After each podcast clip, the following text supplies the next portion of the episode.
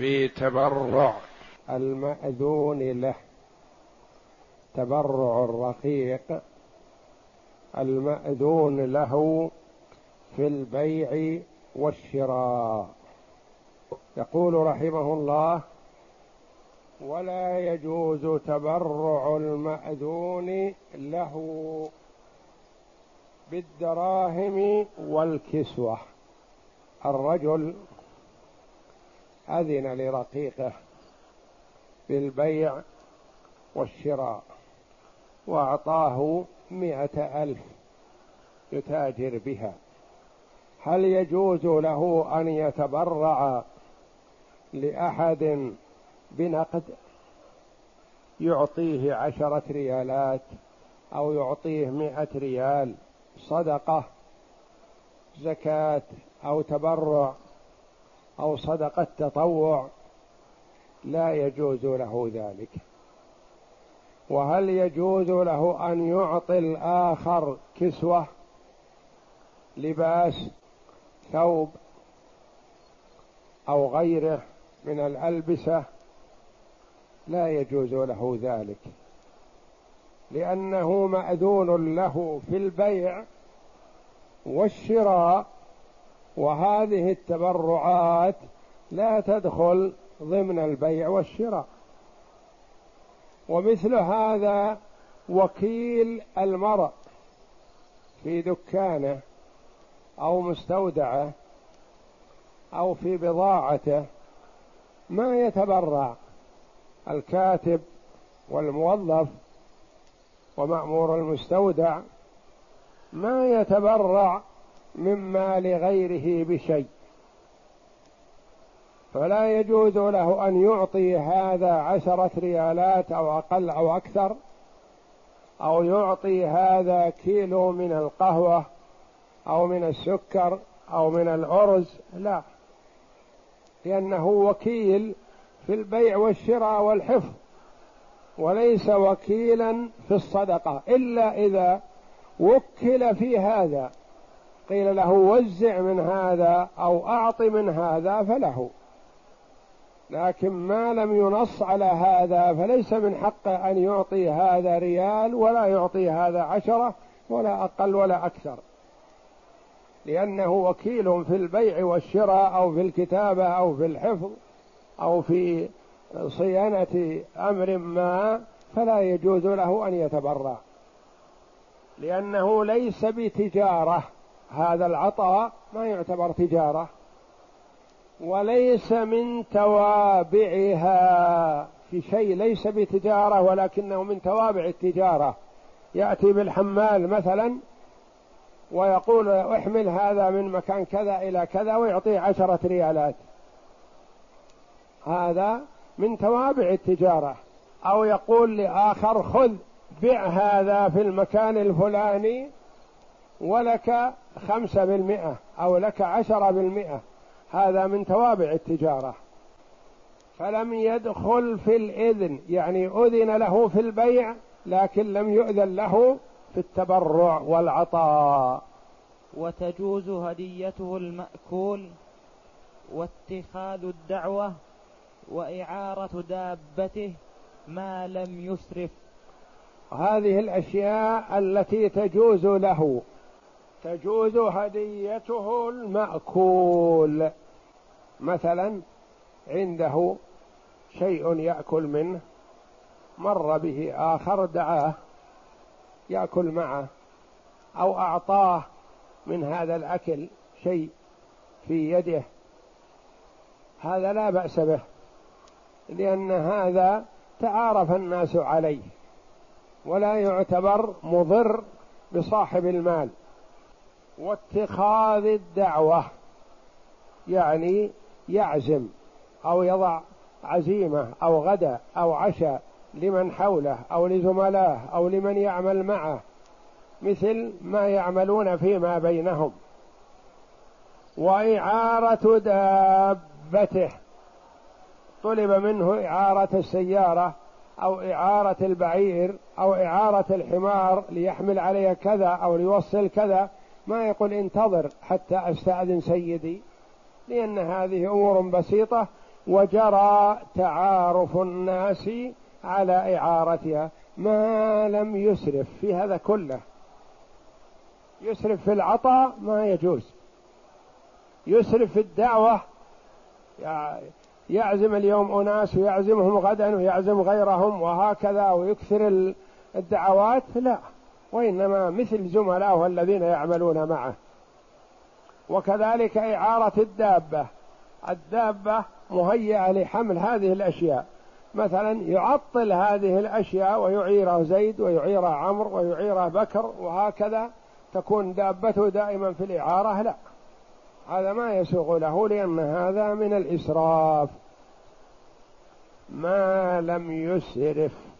والإسراف هو مجاوزة المعقول الذي تعارف الناس عليه. لما روي عن النبي صلى الله عليه وسلم أنه كان يجيب دعوة المملوك. لما روي يستدل على هذا بأنه يجوز للمملوك أن يضع الدعوة لأناس يدعوهم للغداء للعشاء يقدم لهم القهوة. لا بأس بهذا. لأن النبي صلى الله عليه وسلم كان يجيب دعوة المملوك.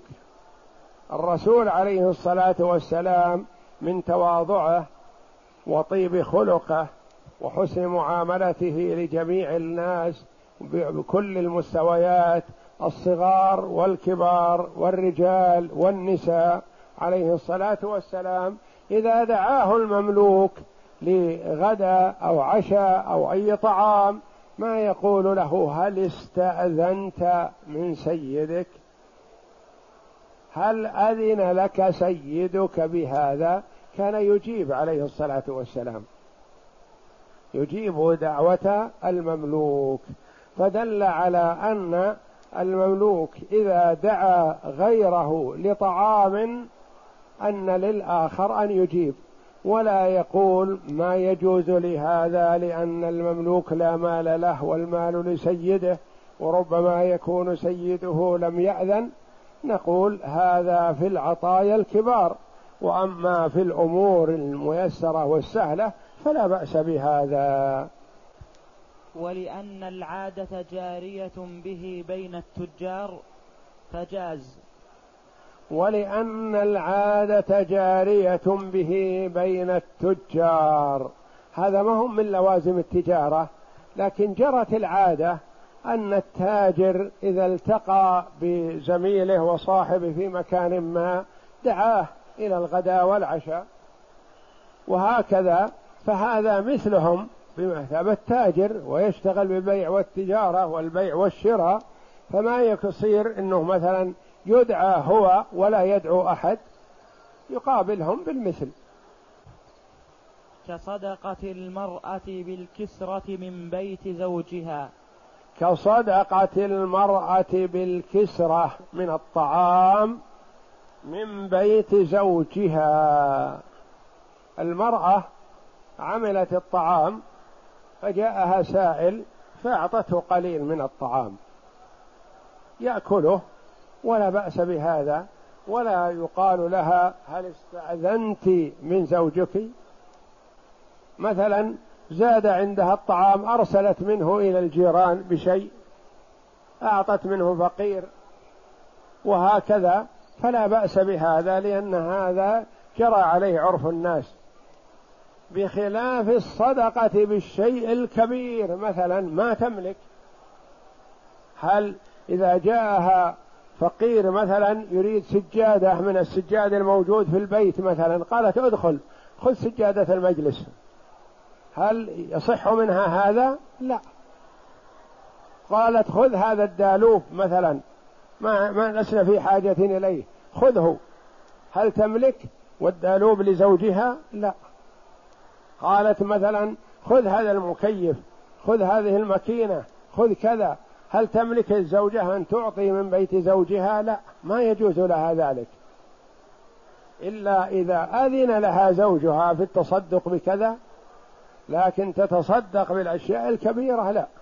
خذ هذا الكيس مثلا مملوء بالأرز أو السكر أو كذا ما تملك. لكن تعطي قليل من الرز أو تعطي قليل من السكر أو قليل من الشاهي أو نحو ذلك. تملك هذا لأن هذا تعورف عليه. والنبي صلى الله عليه وسلم قال هذا في قوله عليه الصلاة والسلام لا تحقرن جارة لجارتها ولو فرس نشأت. ما قال تتصدق ولو بالقليل إذا استأذنت من زوجها. لا إذا كان عندها طعام وفيه زيادة وأرسلت منه للجيران أو لفقير أو نحو ذلك فهي فلا بأس عليها بهذا. ولها أجر ولزوجها رب المال أجر. لكن ما تملك العطاء في الأشياء الكبار. و وما كسب العبد من المباح أو وهب له فقبله ملكه مولاه. هذا فيما يكسبه العبد. من المعلوم أن العبد لا يرث لا يرث من أقاربه لأنه ملك ومملوك لسيده وإذا ورث يكون المال الذي يرثه ينتقل لأجنبي يكون يأخذه السيد فالعبد لا يرث. لكن أعطاه قريبه شيئا ما فهو وما بيده لسيده. جنى من البر إما يجنى من الكمأة مثلا أو من العشب أو من الشجر أو من الحطب هذا ما جناه يكون لسيده. سواء جناه وأخذه من الأشياء المباحة أو أعطي إياه أعطي شيئا ما فإنه يكون لسيده. نعم. لأنه كسب ماله فملكه كصيد فهده. لأنه كسب ماله فهو الرقيق إذا أخذ شيئا من العشب أو أخذ شيئا من الحطب من البر فيكون لسيده لأن هذا الكسب كسب ماله كسب مال السيد لأن الرقيق نفسه مال السيد وما يكسبه فهو لسيده. مثل ما لو أرسل طيره أو أرسل كلبه وصاد هل يقال إن الصيد هذا للكلب أو للطير أو نحو ذلك؟ لا. يكون هذا لصاحبه لمالكه. وإن ملكه سيده مالا فملكه لقول النبي صلى الله عليه وسلم من باع عبدا وله مال فماله للبائع. وإن ملكه سيده مالا ملكه. أعطاه شيء قال هذا لك. فهو في هذه الحال يملكه ويملك التبرع فيه يملك التصرف فيه لأن سيده أعطاه إياه. ملكه لقول النبي صلى الله عليه وسلم من باع عبدا وله مال فماله للبائع. ما وجه الدلالة؟ الدلالة في مفهوم الحديث مفهومه على أن العبد يكون له مال. لكن إذا الرجل أعطى عبده مال قال هذا لك. ثم بعد فترة باعه باع العبد. هل ينتقل المال معه لأنه ملكه؟ لا. يبقى للسيد لأنه ملكه. العبد وما بيده ملك للسيد. فالسيد باع العبد دون المال الذي بيده. وقوله صلى الله عليه وسلم من باع عبدا وله مال فماله للبايع. يعني لسيده. ما قال لسيده؟ لأن كلاهما أصبح سيد الأول والأخير. قال فماله للبايع. مثلا الرجل أعطى رقيقه مال يتصرف فيه. وله أموال في المستودعات وفي الدكان وفي العمل. ثم إنه استغنى عن الرقيق هذا وعرضه للبيع. فجاء آخر واشتراه على أمل أن يكون هذه الأموال التي بيد العبد له. مع العبد؟ فليس الأمر كذلك بل هو اشترى العبد فقط والمال الذي بين يديه ليس له وإنما هو لمالكه الأول لأن الرجل ما باع هذه البضائع والأموال وإنما باع الرقيق فقط. ولأنه يملك البضع فملك المال كالحر. ولأنه يملك البضع. الرقيق إذا زوجه سيده ملك بضع هذه المرأة التي هي ملكه. التي هي زوجته. فما دام يملك البضع فملكه للمال من باب أولى. يملك البضع يعني ما يشارك فيه أحد ولا ينهاه أحد عن قربانه. ولا يحول بينه وبينه أحد ولا يلزمه مثلا بطلاق أو مجانبه لزوجته لأنه ملك بضعها فهو يستمتع بها. فما دام أنه يملك البضع والبضع شأنه أعظم من شأن المال العادي فملك البضع فيملك المال من باب أولى. نعم. والمراد بالبضع الفرج. وفي بضع أحدكم صدقة. قالوا يا رسول الله يأتي أحدنا شهوته ويكون له فيها أجر. قال أرأيتم لو وضعها في الحرام كان عليه وزر فكذا إذا وضعها في الحلال كان له أجر.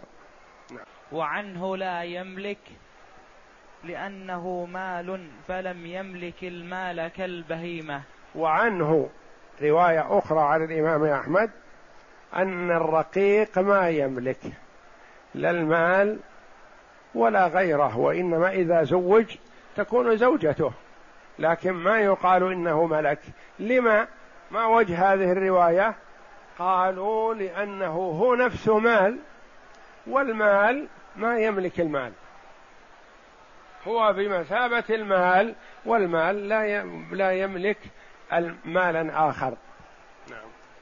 فإن ملكه سيده جارية لم لم يملك وطئها قبل الإذن فيه نعم. لأن ملكه غير تام فإن أذن له فيه ملكه ملكه, ملكه.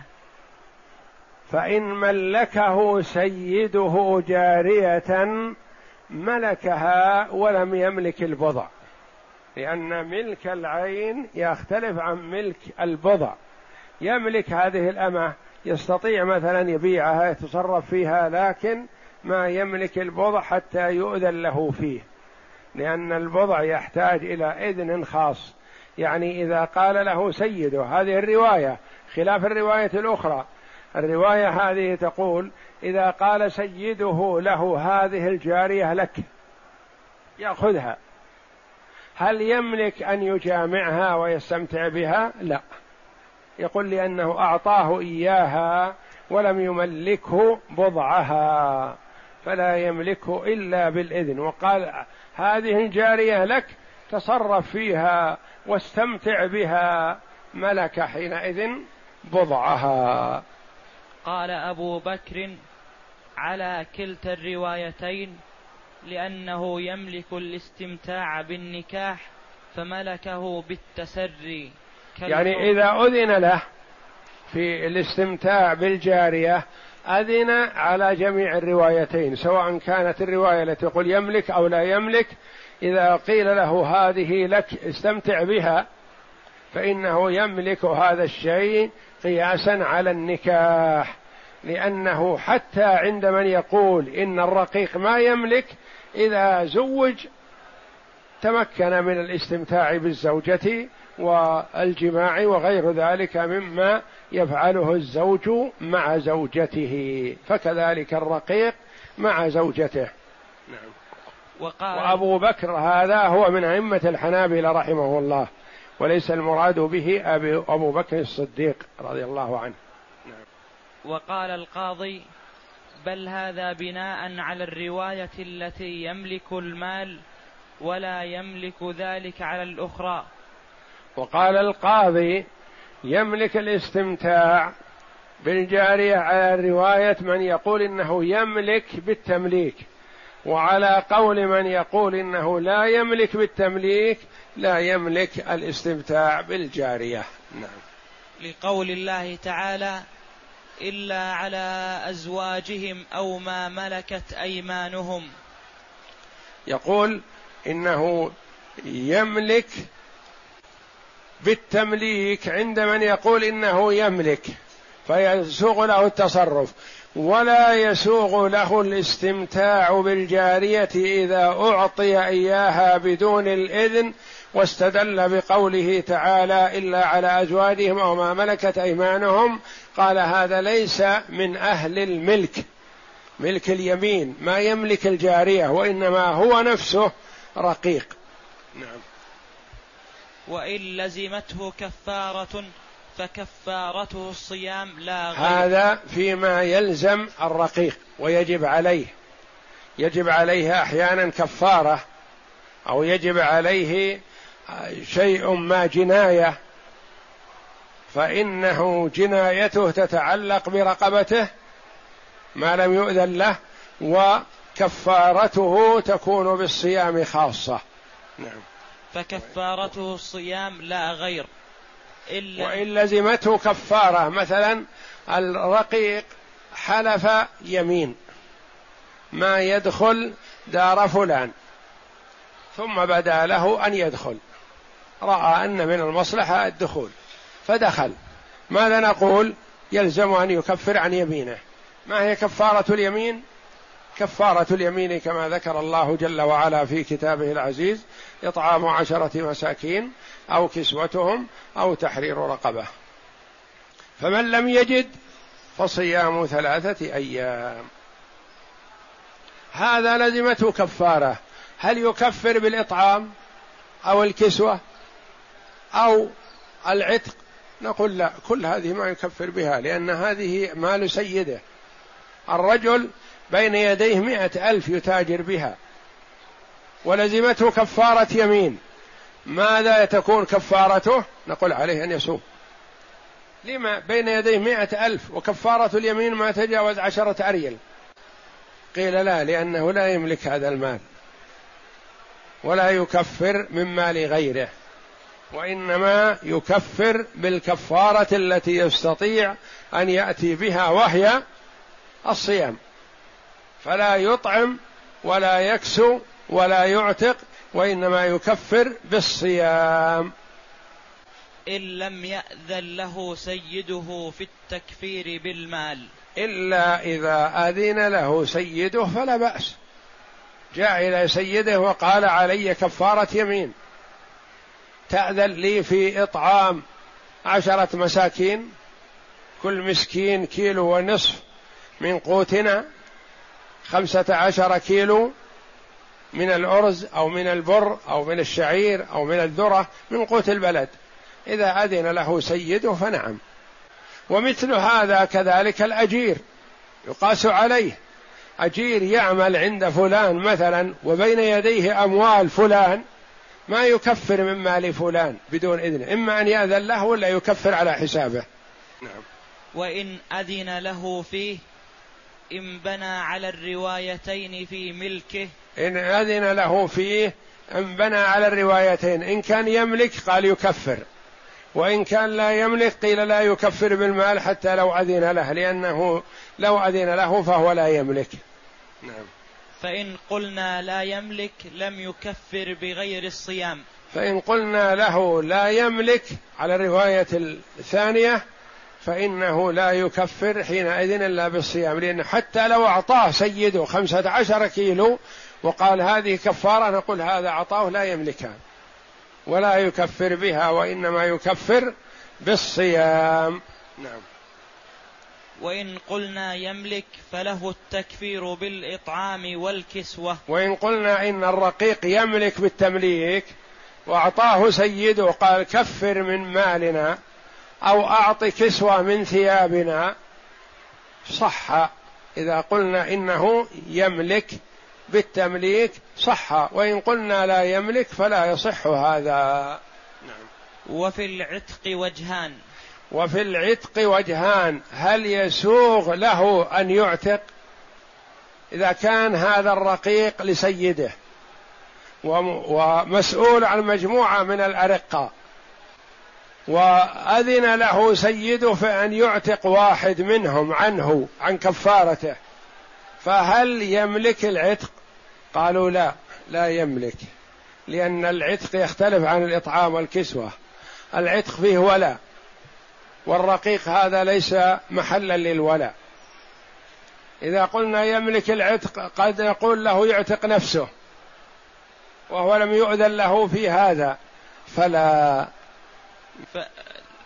ف... وفي العتق وفي العتق, وفي العتق وجهان أحدهما يملكه قياسا على الإطعام والكسوة والثاني لا يملكه لأنه يتضمن الولاء والعبد ليس من ليس من أهله. العبد مملوك فكيف يكون له ولاء؟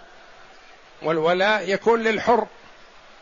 الولاء لمن أعتق كما قال عليه الصلاة والسلام والولاء لحمة كلحمة النسب لا تباع ولا توهب ولا يتنازل عنها مثل ما إن الرجل ما يسوغ له أن يتنازل عن ابنه ولا عن أخيه ولا عن ولا ولا عن أبيه ولا يبيع هذه القرابة فكذلك الولاء مثل هذا.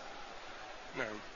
فعلى الأول إن أذن له في التكفير بإعتاق نفسه فهل يجزئه على وجهين؟ فعلى الأول أن أنه يجوز أن يعتق إذا أذن له. هل يجوز له أن يعتق نفسه عن كفارة على نفسه؟ يقول على وجهين. إحداهما يجوز والآخر, والآخر الوجه الآخر لا يجوز. والله أعلم. وصلى الله وسلم وبارك على عبد ورسول نبينا محمد وعلى آله وصحبه أجمعين.